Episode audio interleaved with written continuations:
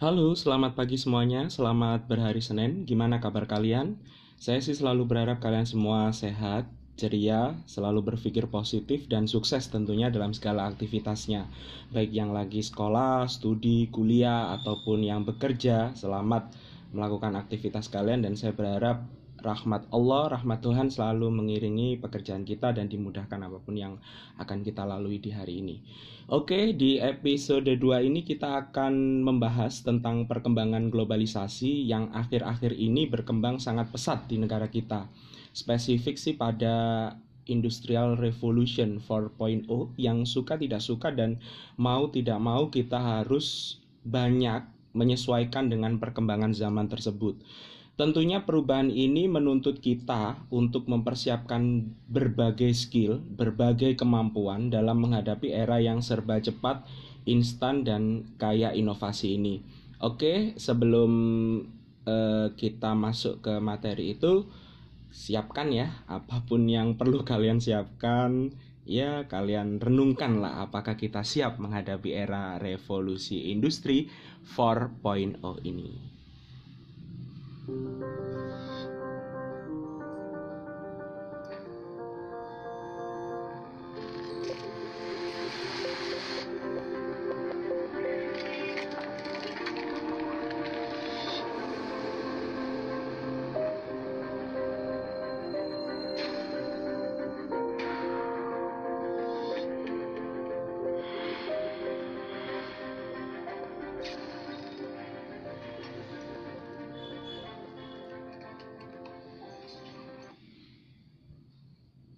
Oke, uh, globalisasi saat ini sedang melanda seluruh belahan dunia. Efeknya ada dua, kemudian yang menjadi keniscayaan bahwa globalisasi di satu sisi akan melahirkan global village di mana desa dunia terjadi desa dunia di mana uh, tidak ada lagi skat-skat pembatas yang jelas antar wilayah yang memudahkan arus informasi, yang memudahkan transformasi ideologi dan sebagainya untuk berkembang dari satu negara ke negara yang lain. Namun, sebaliknya globalisasi juga dapat berdampak serius pada perampokan global atau yang kita sebut global village di mana eh, ekonomi negara-negara yang maju cenderung mendominasi dan juga menekan ekonomi negara-negara yang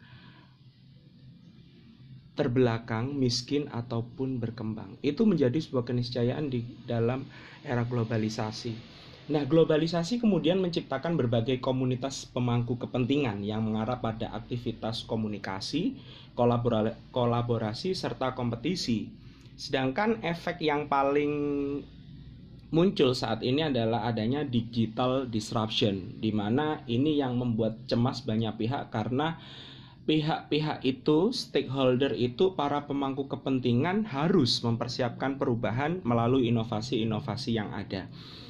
Oke, di abad ke-21 ini kemudian yang dihadapkan pada kita adalah teknologi di mana globalisasi yang tadi sudah saya sebutkan itu akan melahirkan pengaruh-pengaruh teknologi dan informasi yang semakin pesat sehingga masyarakat sehingga manusia itu dihadapkan perannya dengan robot-robot ataupun dengan arus teknologi, perangkat teknologi, tools, device dan apa pun yang berkaitan dengan teknologi.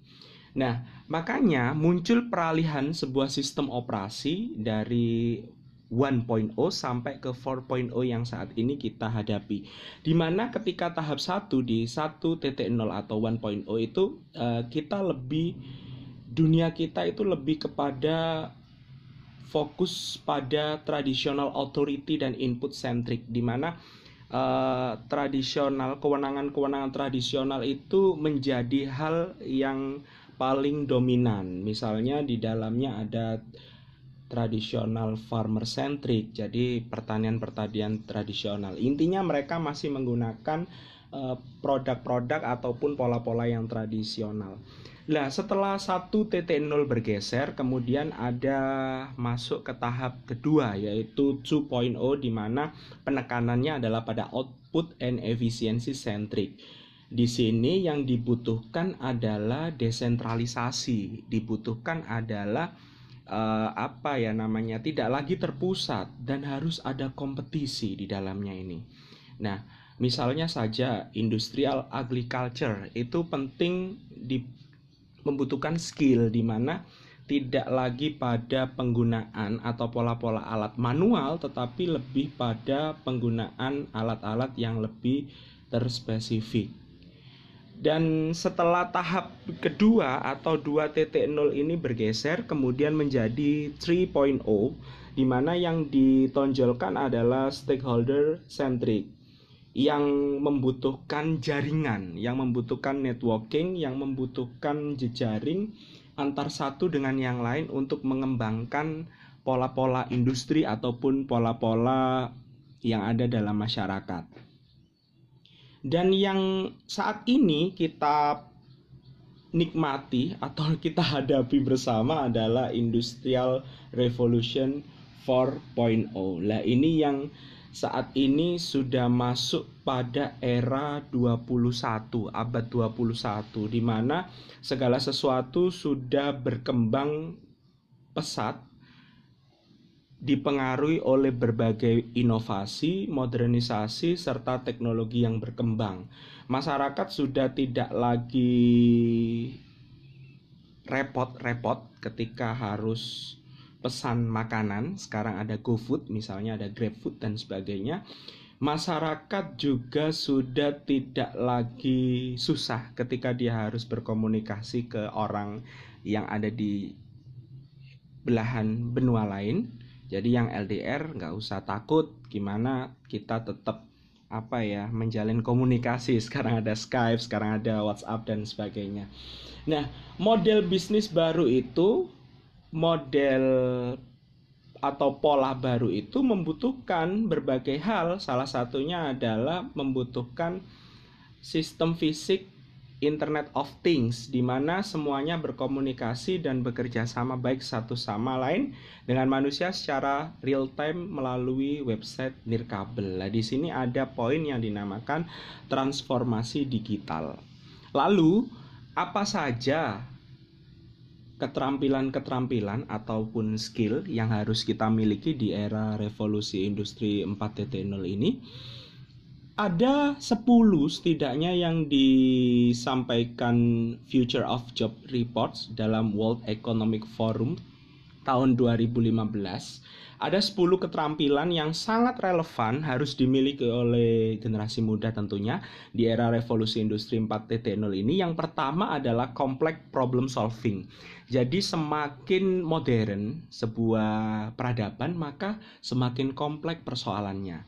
Lah yang harus kita miliki, yang harus kita punyai adalah bagaimana kita memiliki kemampuan untuk menyelesaikan segala sesuatu masalah atau problem ini secara kompleks.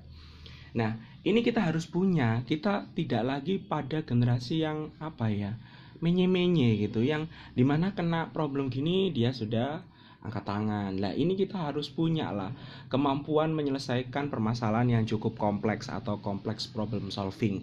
Karena di era selanjutnya ini tantangan kita, masalah kita sudah sangat kompleks tentunya tidak hanya masalah satu dua, mungkin bisa menjadi berbagai macam masalah yang kemudian menjadi beban bagi kita.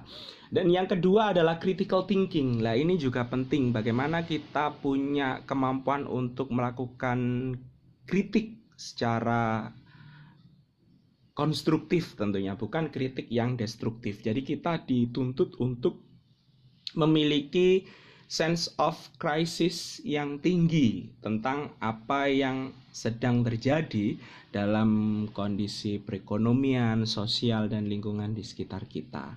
Lah yang ketiga adalah kita dituntut untuk memiliki skill atau keterampilan kreatif. Jadi kita dituntut menjadi generasi yang kreatif, generasi yang bisa berpikir out of the box, berpikir di luar apa ya, kebiasaan dan inovatif tentunya karena kreatif ini biasanya bersinggungan erat dengan inovatif. Nah, yang keempat adalah skill yang harus kita punya adalah people management. Bagaimana kita bisa memanage orang-orang yang ada di sekitar kita, tentunya dengan orang yang berbagai latar belakang, karakter, dan sifat yang itu harus kita manage dengan baik. Ya ini sebenarnya tidak hanya di era revolusi industri, tapi prasyarat utama menjadi seorang pemimpin ya harus mampu memiliki skill people management yang baik. Dan yang kelima adalah kemampuan memanage masyarakat atau orang itu tidak akan bisa berjalan kalau kita tidak memiliki kemampuan coordinating with others. Jadi kita kalau tidak punya kemampuan koordinasi yang baik dengan banyak orang, banyak pihak, maka kita akan terdisruption, kita akan tergeser oleh orang-orang yang mampu melakukan itu. Jadi bahasa mudanya adalah kita harus mampulah mengkoordinasi orang. Tidak cukup memanage orang, tapi kita harus mampu mengkoordinasinya.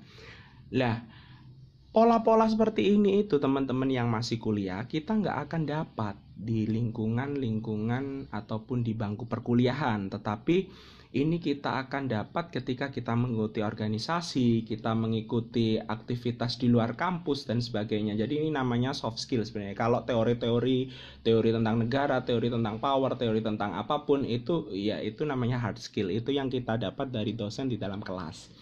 Oke, kita lanjut. Apa sih keterampilan yang keenam yang kita punya adalah emotional intelligence. Jadi, kita harus punya kemampuan mengelola emosi. Jadi, mengelola emosi dan intelijensia itu penting. Jadi, orang itu kan kalau paripurna harus punya IQ, SQ dan EQ. Jadi, SQ itu uh, pokoknya intinya kita harus punya kemampuan tiga itu ya IQ, EQ dan SQ. Dan penekanan di sini adalah emotional intelligence. Dan yang ketujuh adalah kita harus punya judgment and decision making, kemampuan membuat kebijakan secara cepat dan tepat. Ini penting karena kalau kita tidak cepat dan tepat dalam membuat kebijakan, itu kita akan kalah karena perkembangan zaman ini makin pesat, ya. Dan yang kedelapan adalah kita harus punya kemampuan service orientation. Jadi kita harus punya frame, punya mindset bahwa kita harus me, apa ya namanya melayani. Kita harus melakukan service kepada banyak orang. Jadi kalau kita base-nya di pelayanan ya kita harus pure melakukan pelayanan secara baik kepada masyarakat atau kepada orang-orang yang membutuhkan tenaga kita atau membutuhkan kemampuan kita. Dan keterampilan yang kesembilan adalah negotiation. Ini yang penting. Jadi setiap orang harus punya kemampuan komunikasi. Secara globalnya itu kalau di breakdown jadi ada kemampuan communication, ada eh, sorry, ada kemampuan negotiation, ada kemampuan lobbying dan sebagainya. Ini penting bagaimana kita kemudian bisa berkomunikasi secara baik, bagaimana kita bernegosiasi, berlobby dalam menyelesaikan persoalan-persoalan yang kita hadapi. Dan ini juga berkaitan sebenarnya sebenarnya dengan skill-skill yang sudah saya sebutkan tadi misalnya bagaimana memanage people, bagaimana coordinating with others, bagaimana judgment and decision making ini berkaitan sebenarnya dengan pola-pola negosiasi, komunikasi maupun lobbying. Dan kemampuan yang terakhir atau sorry keterampilan yang terakhir yang relevan di revolusi industri di era revolusi industri 4.0 adalah cognitive flexibility. Jadi kita harus punya kemampuan kognitif juga yang fleksibel. Jadi apa ya? Biasanya ini berkaitan dengan orang-orang yang punya pemikiran kritis ke depan, punya pemikiran visioner ke depan dan punya pemikiran yang bagaimana dia bisa mengubah sebuah tantangan menjadi sebuah peluang. Ya akhirnya bisa memberikan dampak secara positif bagi kehidupan dia. Oke, teman-teman semuanya, itu tadi uh, ulasan di episode kedua podcast saya kali ini tentang globalisasi, Industrial Revolution 4.0 dan yang terakhir adalah ini yang penting bekal buat kita semua skill-skill atau kemampuan apa yang harus kita punya untuk menghadapi era Industrial Revolution 4.0.